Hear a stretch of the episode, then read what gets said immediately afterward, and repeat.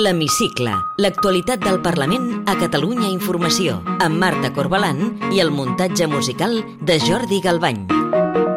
Avui, al programa L'Hemicicle, analitzarem el procés de refundació que engega la CUP aquest cap de setmana. Després dels mals resultats que van obtenir a les últimes eleccions municipals i a les espanyoles, el partit farà des d'ara i fins a la primavera de l'any que ve un debat per repensar-se i redreçar el rumb polític. Per saber cap a on ha d'anar el partit, hem parlat amb diferents persones que durant anys han estat en la primera línia de la formació anticapitalista. A més, avui entrevistarem la diputada de la CUP al Parlament, Mara Empordanès. Benvinguts a l'Hemicicle. La CUP s'ha definit sempre com una formació municipalista. Va néixer a finals dels anys 80 i no va ser fins al 2012 que va fer el salt al Parlament de Catalunya i després al Congrés dels Diputats. Les últimes cites electorals, però, no han estat gaire bones per als copaires. A les municipals del mes de maig van perdre múscul i es van quedar sense representació ni a l'Ajuntament de Barcelona ni als de Tarragona i Lleida. L'única excepció va ser Girona, on van aconseguir l'alcaldia. Les eleccions generals de l'estiu tampoc van anar millor es van quedar sense cap representant al Congrés. L'exdiputat de la CUP al Parlament, Vidal Aragonès, té clar alguns dels punts febles del partit. Segurament les debilitats de la CUP passen per una dificultat per fer-se entendre. Moltes vegades hi ha bona part de catalans i catalanes que no entenen el que estem traslladant. No que no ho comparteixin, sinó que no acaben d'entendre quines són les nostres propostes. I relacionada amb aquesta debilitat, però no és exactament la mateixa, una altra que vindria de la mà de no creure bona part de catalans i catalanes que les propostes que fem com a organització puguin fer-se realitat. Una reflexió que comparteix el també exdiputat Pau Jubillà. D'una banda, d'una dificultat de comunicació de les nostres accions, però quedar-se amb això crec que seria molt complaent. Jo crec que la CUP no és vista per una part de la gent que ens ha votat com una eina útil per l'alliberament nacional i, i la justícia social, i això, en això ens hem de posar. En aquest context de repensar el futur, més d'un centenar de militants i simpatitzants de la CUP han impulsat un manifest on demanen que el partit sigui un espai polític amb voluntat d'assumir funcions de govern quan hi hagi les condicions per fer-ho i amb voluntat de majoria. Entre els signants hi ha, per exemple, l'alcalde de Girona, Lluc Salelles, o l'exdiputat al Congrés, Albert Botran. Botran defensa que la CUP estigui present en totes les institucions que pugui. Si vols fer una, una república, has de saber com funcionen els estats per dins. Llavors, una força revolucionària no ha de ser només a les institucions, però sí que ha de ser a les institucions. Botran també té clar que la CUP ha de tenir voluntat de governar si es compleixen les condicions necessàries. Per entrar a govern has de tenir eh, l'organització preparada per això, el moment ha de ser propici. Segurament ara, amb la situació de replegament, no és el millor moment, però la majoria de vegades entrar en un govern és un salt endavant per la, per la maduració del projecte. Hi ha sectors dins la CUP, però, que no veuen tan clar que el partit hagi de tenir vocació de govern ni tan sols que hagi de presentar-se, per exemple, a unes eleccions espanyoles. Creuen que aquesta estratègia perverteix els orígens de l'organització. Segons Vidal Aragonès, l'objectiu final de la CUP no és governar. Per nosaltres el màxim no és governar.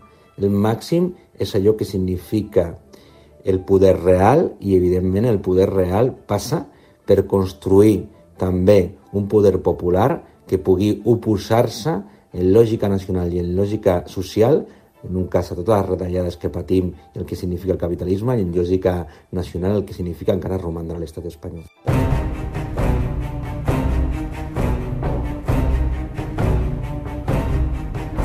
Aquests últims temps, la CUP també ha vist com deixava de tenir un rol estratègic al Parlament de Catalunya.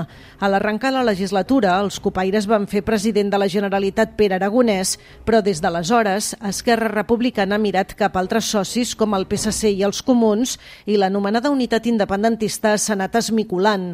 Per tornar a recuperar un paper estratègic, Albert Botran fa aquesta proposta. Crear condicions com les que hi van haver-hi el, el 2017 sense idealitzar, és clar, perquè s'ha de fer millor que el 2017, és a dir, en aquell moment la CUP érem més forts, érem més influents, però eh, també vam tenir mancances importants. Llavors, si es tornen a donar unes circumstàncies d'acceleració de, de la crisi econòmica, de la crisi amb l'Estat, etc etc, nosaltres també hem de ser millors que no érem en aquell moment al, al 2017. L'exdiputat Pau Jubilla creu que cal també una mobilització de les bases.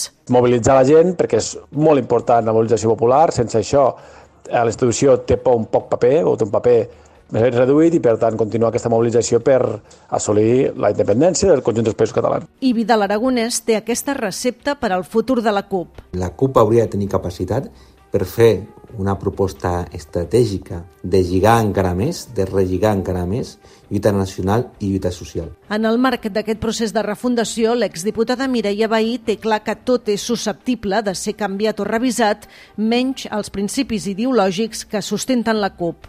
Nosaltres tenim clar que la batalla amb l'estat espanyol és fonamental per aconseguir un país democràtic, en el sentit que l'estat espanyol és un estat que està patrimonialitzat pels interessos de la dreta i de les grans corporacions, i per tant eh, el marc estratègic independentista, feminista, socialista no, no es modifica. El que sí que estem revisant, i em penso que això és un exercici de responsabilitat que, que, que haurien d'estar fent totes les esquerres, és de quina manera nosaltres eh, intervenim aquí. En clau interna, un altre dels debats que afrontarà la CUP és si cal revisar la durada dels mandats dels seus càrrecs. Amb el temps, això s'ha flexibilitzat, però per culpa d'aquesta limitació, el partit va haver de prescindir en el seu moment de les seves cares més carismàtiques.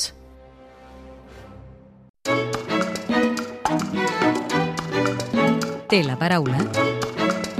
Mar Empordanès, diputada de la CUP Un Nou Cicle per Guanyar. Benvinguda al programa L'Hemicicle. Si li sembla bé, començarem parlant de tot el procés de refundació que ha engegat la CUP.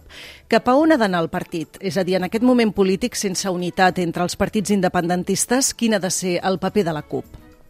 Doncs això és el que pretenem descobrir al llarg d'aquesta aventura que emprenem amb el procés de Garbí, que de fet justament aquest dissabte tenim el Congrés Nacional on se sentaran les primeres bases d'aquest debat, que ha de ser també territor territorialitzat al llarg dels propers mesos i com hem anat reiterant, l'únic que no posem a replantejament és els eixos bàsics de la nostra organització, que és la independència, el socialisme, el feminisme i l'ecologisme, però allà on hem d'anar és el que esperem que surti d'aquesta recopilació de les diferents sensibilitats de la gent que forma part de la CUP, però també d'aquella que no en forma part però que vulgui fer la seva aportació en aquest debat.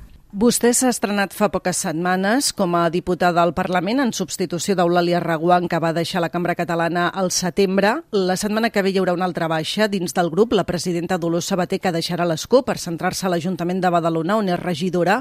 Amb la seva marxa, el grup es quedarà sense cap diputada de Guanyem, que, recordem es va presentar en coalició amb la CUP a les anteriors eleccions.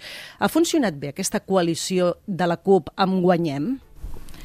Uh, hem mantingut uh, dins del grup parlamentari una coordinació durant aquesta legislatura, però també uh, en, en les relacions polítiques entre les dues organitzacions. Nosaltres agraïm molt uh, la feina que ha fet Dolors Sabater dins d'aquest grup parlamentari, eh, tant la resta de diputades com la CUP com a organització i, i esperem seguir comptant amb, amb el suport de les companyes de Guanyem properament.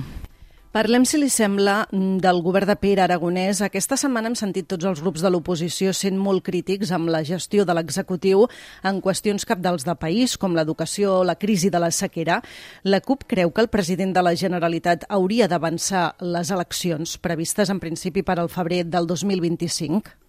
Nosaltres creiem que justament ara el que tenim sobre la taula és una batalla important pel país com són els pressupostos del 2024.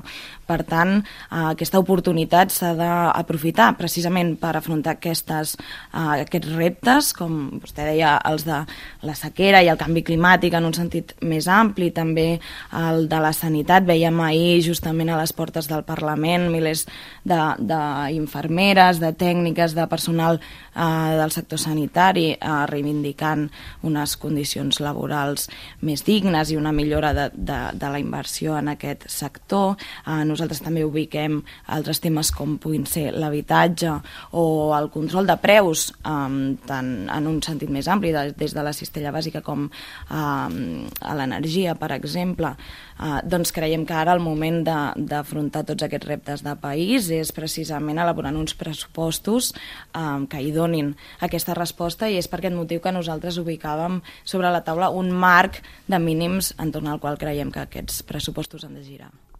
Diu que la qüestió capdalt ara és la negociació i l'aprovació, si pot ser, d'aquests pressupostos. Eh, com van les negociacions eh, amb la CUP?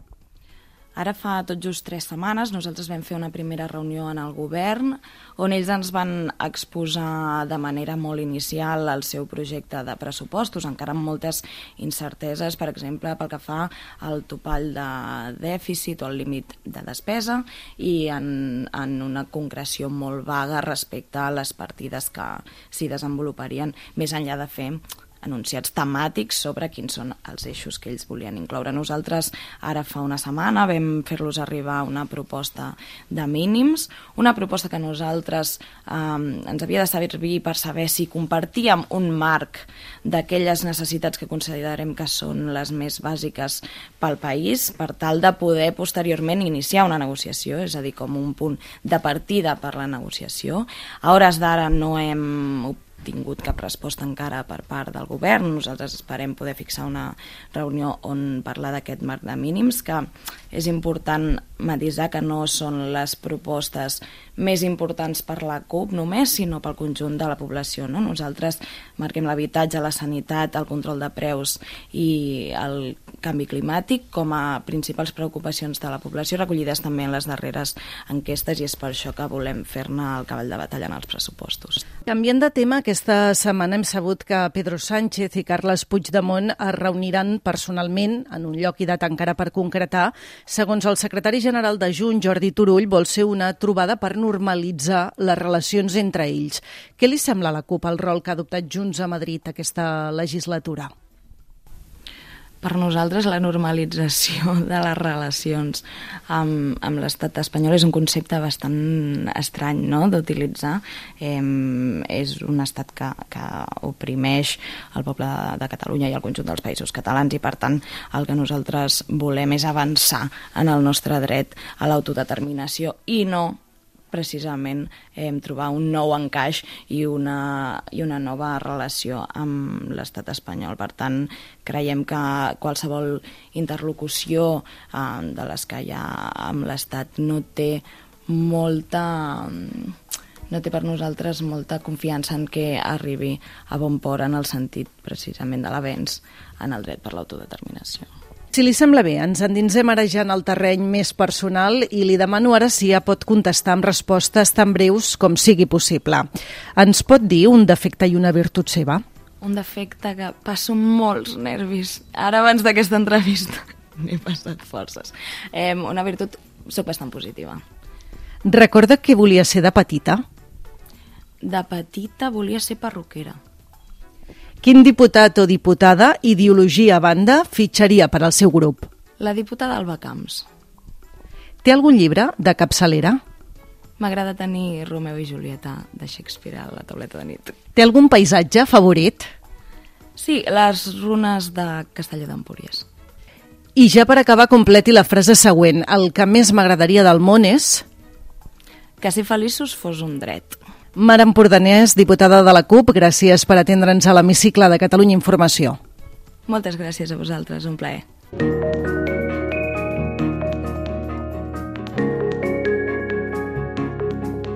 Podeu tornar a escoltar l'hemicicle al web catradio.cat barra hemicicle o al podcast del programa i seguir l'actualitat del Parlament al perfil de Twitter arroba L-hemicicle.